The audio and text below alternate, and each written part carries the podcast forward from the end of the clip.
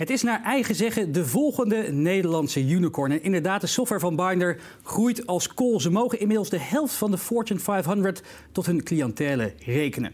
Vorig jaar kreeg het bedrijf 20 miljoen euro financiering om hun grote droom te verwezenlijken, namelijk een beursgang in New York. Bij mij te gast Binder-oprichter Chris Hall. Chris, een uh, unicorn staat een bedrijf dat meer waard is dan 1 miljard dollar. Geen valse bescheidenheid bij Binder.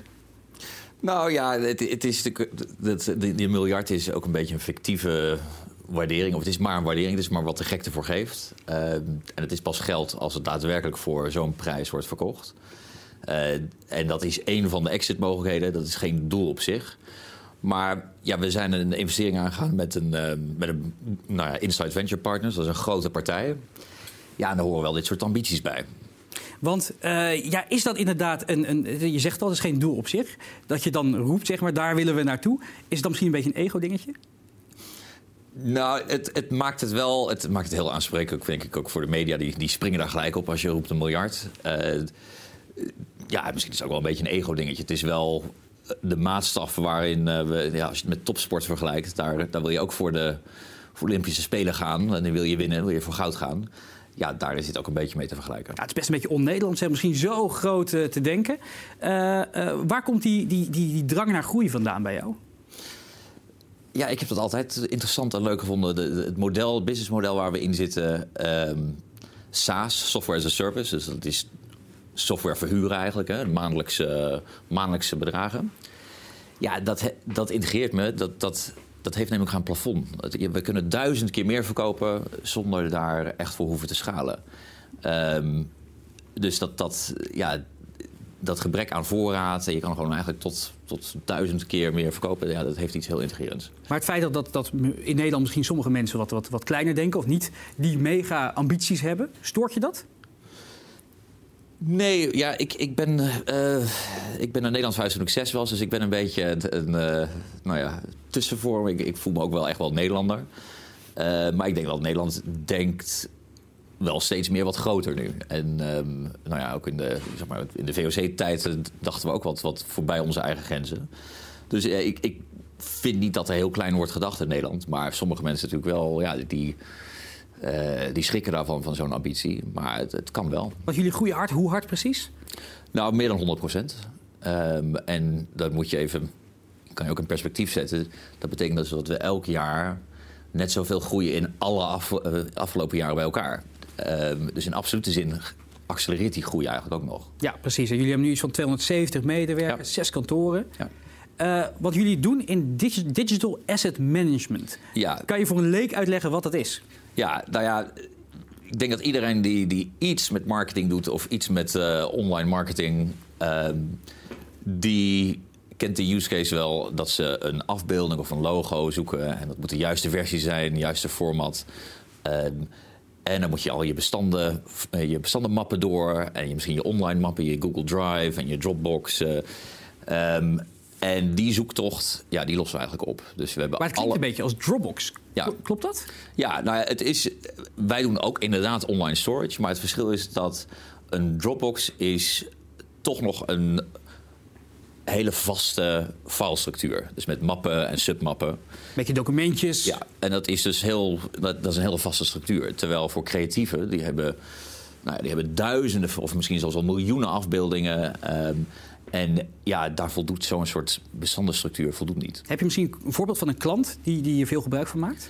Um, ja, Puma bijvoorbeeld. De, nou, Sportmerk? Ja. Um, ja, die hebben natuurlijk al die nieuwe... Uh, die, elke seizoen hebben ze, hebben ze nieuwe schoenen of nieuwe, nieuwe kledinglijnen.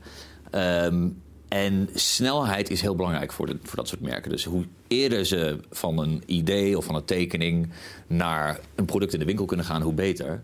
En omdat ja, online worden die touchpoints wel leading. Hè? Dus ze verdienen eigenlijk hun geld met de afbeeldingen. En niet zozeer met de fysieke winkels. Dus hoe eerder ze die afbeeldingen in hun online stores hebben staan. En ook bij alle andere uh, online winkels. Ja, hoe beter. En uh, het is zelfs zo dat bij sommige merken dat ze de foto's van de kleding in de op de boot maken terwijl die kledingstukken onderweg zijn.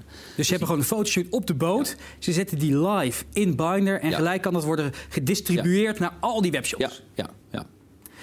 Je hebt een paar hele grote klanten. Je noemde inderdaad al, al Puma, eh, KLM is klant, Ja. Spotify. Hoe vind je dit soort grote corporates? Hoe bind je die aan jouw bedrijf? Ja, dat, dat, eh, ja, dat is bloed, zweet en tranen om, om toch het vertrouwen te geven aan dat soort bedrijven dat, dat we het kunnen. Ehm, ik heb in de begindagen heb ik zelf demo's gedaan eh, naar klanten toe om te laten zien, zo kan het eruit zien. En dan bel je een KLM op en dan zeg je: Ik heb iets moois, mag ik het komen presenteren? Ja, in het begin ging het inderdaad wel een beetje zo, ja. Ja, dat is, eh, ik heb zelfs nog, eh, toen wij in het begin websites bouwden... we zijn begonnen vanuit Label A, dat is een eh, webdevelopment bureau. Ik heb de, de Gouden Gids nog, waar ik gewoon een bedrijf aan het afbellen was. En dan mocht je op, op, op, op visite komen Ja. En te laten zien wat je aan het maken was. Ja, dat, dat, dat, zo werkt het wel. Eh, dat, is, dat is hard werken en dan eh, leuren naar opdrachten. En op een gegeven moment heb je meer en meer referenties. Eh, dat helpt natuurlijk ook. Wat je bedrijf, je zei het al, het is een SaaS-oplossing. Dus je verhuurt je software voor een maandelijks bedrag. Nou, Ja. dat verschilt natuurlijk van klein naar groot. Het is een gratis oplossing voor kleine partijen. En die corporates, nou, daar verdien je natuurlijk, denk ik, toch wel eh, behoorlijk aan. Maar het bedrijf is nog niet winstgevend. Hoe komt dat? Nou, klopt, we zijn nog niet winstgevend. Ehm, dat is ook weer het businessmodel. En dat is het ironische of het, het, rare eigenlijk aan, ehm, aan het SaaS-model. Hoe succesvol je bent, hoe meer geld je nodig hebt. Eh, het is intrinsiek eh, hebben we heel veel cash nodig. Want we hebben, eh, moeten investeren in het product natuurlijk. Dat, dat doen we doorlopend. En Dat, team groeit ook. Maar eh, wat voor investeerders heel belangrijk is zijn de customer acquisition costs. Dus hoeveel kosten moet je maken om een klant binnen te halen? Nou, dat wordt afgemeten in hoe lang duurt het voordat je dat terug hebt verdiend. Nou, een gezonde ratio is ongeveer 12 maanden. Dus het eerste jaar ben je die customer acquisition costs aan het terugverdienen. Ehm, Dus als je in één jaar heel veel klanten krijgt, dan zijn die customer acquisition costs Ja, nog heel ja, erg hoog. Die moet je allemaal vooruit schieten. Ja. Ehm, dus hoe succesvoller je bent, hoe meer cash je nodig hebt. En ehm, ja, de investeerders kijken ook naar welke kosten kan je snel terugdraaien. Mhm. Kan, je, kan je snel wel eh, cashflow positief draaien. Dat, is wel, dat wordt wel steeds belangrijker. Dus de dagen dat, dat er eh, enorme eh, hoeveelheden verbrand werd... Ja, dat wordt iets minder, daar wordt iets meer naar gekeken. En wij zijn nou wat dat betreft nog redelijk nuchter daarin. We verbranden nog niet zo heel veel. Ehm, maar het is niet erg dat we geen winst maken, omdat als wij de marketingkosten een beetje terugdraaien, ehm, dan, ehm, dan zijn we wel opeens eh, winstgevend. Want je hebt en dan vorig- komt het geld vanzelf naar je toe. Want je hebt vorig jaar 20 miljoen opgehaald bij Inside Ventures in eh, een club Ja. uit New York inderdaad. Het moet best een rare omslag zijn. Dat je, je hebt jarenlang gewerkt met een heel beperkt, eh, ja, heel beperkt aantal cash wat je, wat je tot je beschikking hebt. En dan in één keer nou ja, klotst het bijna tegen de plinten. Ja, ja, dat is wel grappig. Ik denk daar wel eens met weemoed naar terug. In de beginjaren, en ik denk dat ja, iedereen die een, een bedrijf heeft gebootstrapped... ja, die kent het wel. Je bent eigenlijk... Je nummer 1, 2 en 3 probleem is geld. Cashflow. En eh nou, dan zijn deurwaarders aan de deur. En nou ja, dan kan je wat, nog een beetje wat regelen met de bank... of met je leveranciers om uitstel van betalingen. Ehm, en als, je dat, als, dat, als die bottleneck in één keer weg is... Ja, dan denk je, nou, nou dan hebben we het relaxed. Dan hoeven we eigenlijk, eh, kunnen we alles doen wat we willen. Hoe verandert dat voor jou dan? Ja, dat heeft dus ook heel veel van het. Want opeens kan je dan echt gaan ondernemen. Dan ben je niet alleen maar met cashflow manager bezig. Ehm, en ja, het, in het begin, alles wat wij uitgeven, ehm, dat voelde als, eh, als, als eigen geld. Dus als, nou, als er bureaustoelen moeten worden besteld, denk ik, ja, dag, ik kan toch geen 800 euro aan een bureaustoel uitgeven. Ik ben toch niet gek? Of eh, mensen waren ziek, dan dacht ik, ja, toch, we betalen ze wel door en eh, dat kost geld. Dat, dat voelde als eigen geld. Ik denk dat het ook een, een goede houding is om te hebben. Je moet al het geld behandelen alsof het je eigen geld is, of je geld uit eigen zak. Ehm, maar met die investering van 20 miljoen, ja, dat, dat is zo'n bizar groot bedrag. Eh, eigenlijk worden die, die, die geldbedragen, dat verandert in getallen voor je gevoel. Dus dat, dat wordt maar een getal. Eh, ik ken onze exacte loonhoogte, ken ik ook niet. Onze hele salarissom. Je bent bijna alleen nog maar bezig met een beetje metrics. Het wordt Nou ja, precies. Dus het, het, wordt van, het wordt van eh, geld wat je voelt, wordt het, wordt het eigenlijk naar percentages en naar metrics eh, eh, teruggebracht. Is het, ook, is het in het begin lastig dat je, dat je misschien denkt van oh, we, hebben, eh, we hebben zoveel, we kunnen het echt overal nu aan gaan uitgeven. Hoe, hoe manage je toch dat, dat je niet te ver doorschiet daarin? Nou ja, ik denk dat dat altijd wel een beetje in zit. Dat je, ziet, je, weet ook wel wat, wat duur is en wat, wat niet duur is. Maar het stelt je wel in staat om de juiste beslissingen te maken. Dat je niet puur denkt, oh, dat is te veel geld. Je kan gewoon investeren waar het nodig is. Ehm, en ja, je moet gewoon goede mensen ook in dienst nemen. Dus dan, eh, ja, onze salarissen zijn wel flink gestegen de afgelopen jaren. Je hebt uh, gekozen voor Inside Ventures, dus die club uit New York. Eén, uh, hoe kom je bij zo'n partij terecht? En twee, als je dan met ze aan tafel zit, is het dan echt keihard onderhandelen? Um, ja, hoe komen ze bij ons terecht? Of ja, zij zijn bij ons terechtgekomen. Um, de, de, venture capital business in, in, in Amerika ja, loopt gewoon best wel ver vooruit. Zij hebben contact met, uh, ik geloof, 200.000 bedrijven per jaar. Um, en daar hebben ze serieus contact met, uh, met een paar duizend. En dan een deal met, uh, of ze doen een voorstel met een paar honderd. En van die paar honderd doen ze met een paar, echt een handjevol, doen ze daadwerkelijk een deal. Dus zij doen ongelooflijk veel onderzoek. Zij waren uh, voor het eerst al langs geweest toen we echt nog maar met 7, 8 man waren. Uh, dus ze doen heel veel onderzoek. Ze doen heel veel. Uh, ja, het is bijna sales eigenlijk wat ze doen. ze doen bellen veel, doen veel research. dus we waren al in gesprek met een paar partijen. En dan zit je aan tafel en, en dan komt het puntje bij paaltje. Ja, nou, er is ook wel heel veel competitie. Dus in het begin zijn ze, zijn ze allemaal heel lief. en dan teken je een term sheet. Dus dat is een soort intentieverklaring. Of dan denk je, nou, dat, dat hebben we dan even mooi gedaan. Ja, en dan kwam toch de, daadwerkelijke deal. En ja, dan, dat is best dat wordt al pittig onderhandeld. Het gaat om serieus geld. En, en ja, die jongens die zijn, uh, die, die bewaken belangen wel goed. Hoe weet je dan tot hoe ver je kan gaan? Want je hebt waarschijnlijk ook voor jezelf een gedachte tegen een bepaald aandelenpercentage in, uh, in, in, in gedachten. Hoe weet je tot, tot, tot, tot waar zeg maar, die grens loopt wat je kan vragen van ze? Nou, dat, dat, dat um, het grappige is dat zij juist, uh, die grote partijen, we hebben allemaal met ze gesproken ja, die, die willen een bepaald minimum. Die moeten ook een bepaald minimum kwijt. Dus ze hebben een fonds van uh, meer dan 13 miljard. Ja, die hebben geen tijd voor kleine deals. Dat kost, te veel, dat kost de organisatie gewoon te veel. Ze, dat, ze kunnen maar zoveel deals doen. Um, dus ze, ze, hebben een soort minimum uh, check size, zoals dat heet. Um, en dan zaten wij dus, ja, met die 20 miljoen zaten we er eigenlijk net op. Kun je nagaan. Wij zijn echt een beetje een... Uh, een kleine eend in de bijt. Um, dus ze willen het liefst meer geld kwijt, maar ze willen ook geen meerderheidsbelang. Dus uh, dat, dat is ook niet hun strategie. Daar heb je, andere, heb je meer de private equity partijen voor. Um, maar uh, ik denk achteraf, wij wilden eigenlijk voor minder gaan, gevoelsmatig. Um, en dat is net zoals met leningen en, en geld aantrekken. Ja, ik, ik zou zeggen, we gaan altijd voor het dubbele of misschien wel het driedubbele van wat je. Want het gaat er zo snel doorheen. Nou, als je zo snel groeit, Um, ik kan me nog goed herinneren, we hadden via de bank, via ABN AMRO, hadden we uh, onze eerste leningen gedaan. Ja, dat was een paar ton. En dat voelde als heel raar en oncomfortabel veel geld. En dan denk je miljoenen, ik weet niet eens waar ik het dan op zou moeten maken.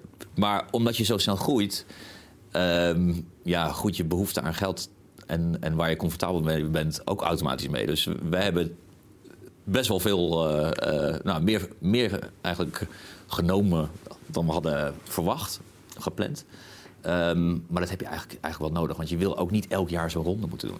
Wat je zegt zelf al, hè? Uh, enorm snelle groei. 270 medewerkers nu. Nou, dat kan volgend jaar zomaar verdubbeld zijn als, het, uh, ja. als, je, als je een beetje flink door, doorpakt. Wat een van de belangrijke aspecten is wat ik altijd hoor bij snelgroeiende bedrijven, is die bedrijfscultuur. Ja. Je moet die bedrijfscultuur behouden. Mee eens? Ja. ja. het tweede is natuurlijk van, wat is die bedrijfscultuur bij jullie? Ja, dat is, uh, dat is een goede. Dat is ook lastig um, te omschrijven. Ik, heb wel eens het idee dat. Uh, ja, bedrijfscultuur is ook een beetje zoals de liefde. Hè? Als, je, als, je, als je dat moet beschrijven in pros en cons, waarom, waarom ben je bij iemand? Ja, dan ben je het ook een beetje aan het stuk maken. Um, dus wij hebben niet een soort geboden van je, je, moet leuk zijn, je moet gezellig doen, je moet dit doen. Ja, dat, dat, dat hebben we niet. Je kan ook niet een bedrijfscultuur forceren, denk ik. Dat moet, dat moet echt authentiek zijn. Je kan wel tien tafeltennistafels neerzetten, maar daar wordt het niet leuker van. Um, dus ja, dat, dat moet je echt dragen. Dat, dat, zijn, dat zijn denk ik principes die, die, bij mij, die dicht bij mij aan het hart liggen. Maar ook uh, van iedereen die we hebben aangenomen, die moet dat ook uitdragen. Dat, dat, dat kan je niet. Want hoe behoud je zo'n bedrijfscultuur als er zo continu nieuwe mensen bij zijn? Ik neem aan dat je niet eens meer iedereen bij hun voornaam kent, bijvoorbeeld. Um, nou, ik heb wel eens wat moeite met de, met de namen onthouden, inderdaad, inmiddels. Maar uh, ja, dat is ook wel als je dan die, die, die waardes hebt binnen je bedrijf. Uh, we hebben wel eens een hele goede salesjongen hebben we, hebben we moeten ontslaan. Omdat hij, hij deed het hartstikke goed. Juiste papieren, goede vent. Maar hij, gedroeg zich als een hufter. En uh, een beetje trappen om zich heen. Ja, daar moet, dat kun je niet tolereren. Dus het, het betekent eigenlijk dat je... Uh, ondanks het feit dat het misschien geld kost, dat je kiest voor, voor cultuur. Dat je, uh, hetzelfde als met, we hebben die onbeperkte vakantiedagen doorgevoerd. Dat is niet iets waar we geld mee verdienen. Meer geld mee verdienen. Dat is iets wat, wat eigenlijk, uh, nou ja, gevoelsmatig zou je zeggen, nou dan gaat iedereen vrijnemen wanneer hij wil.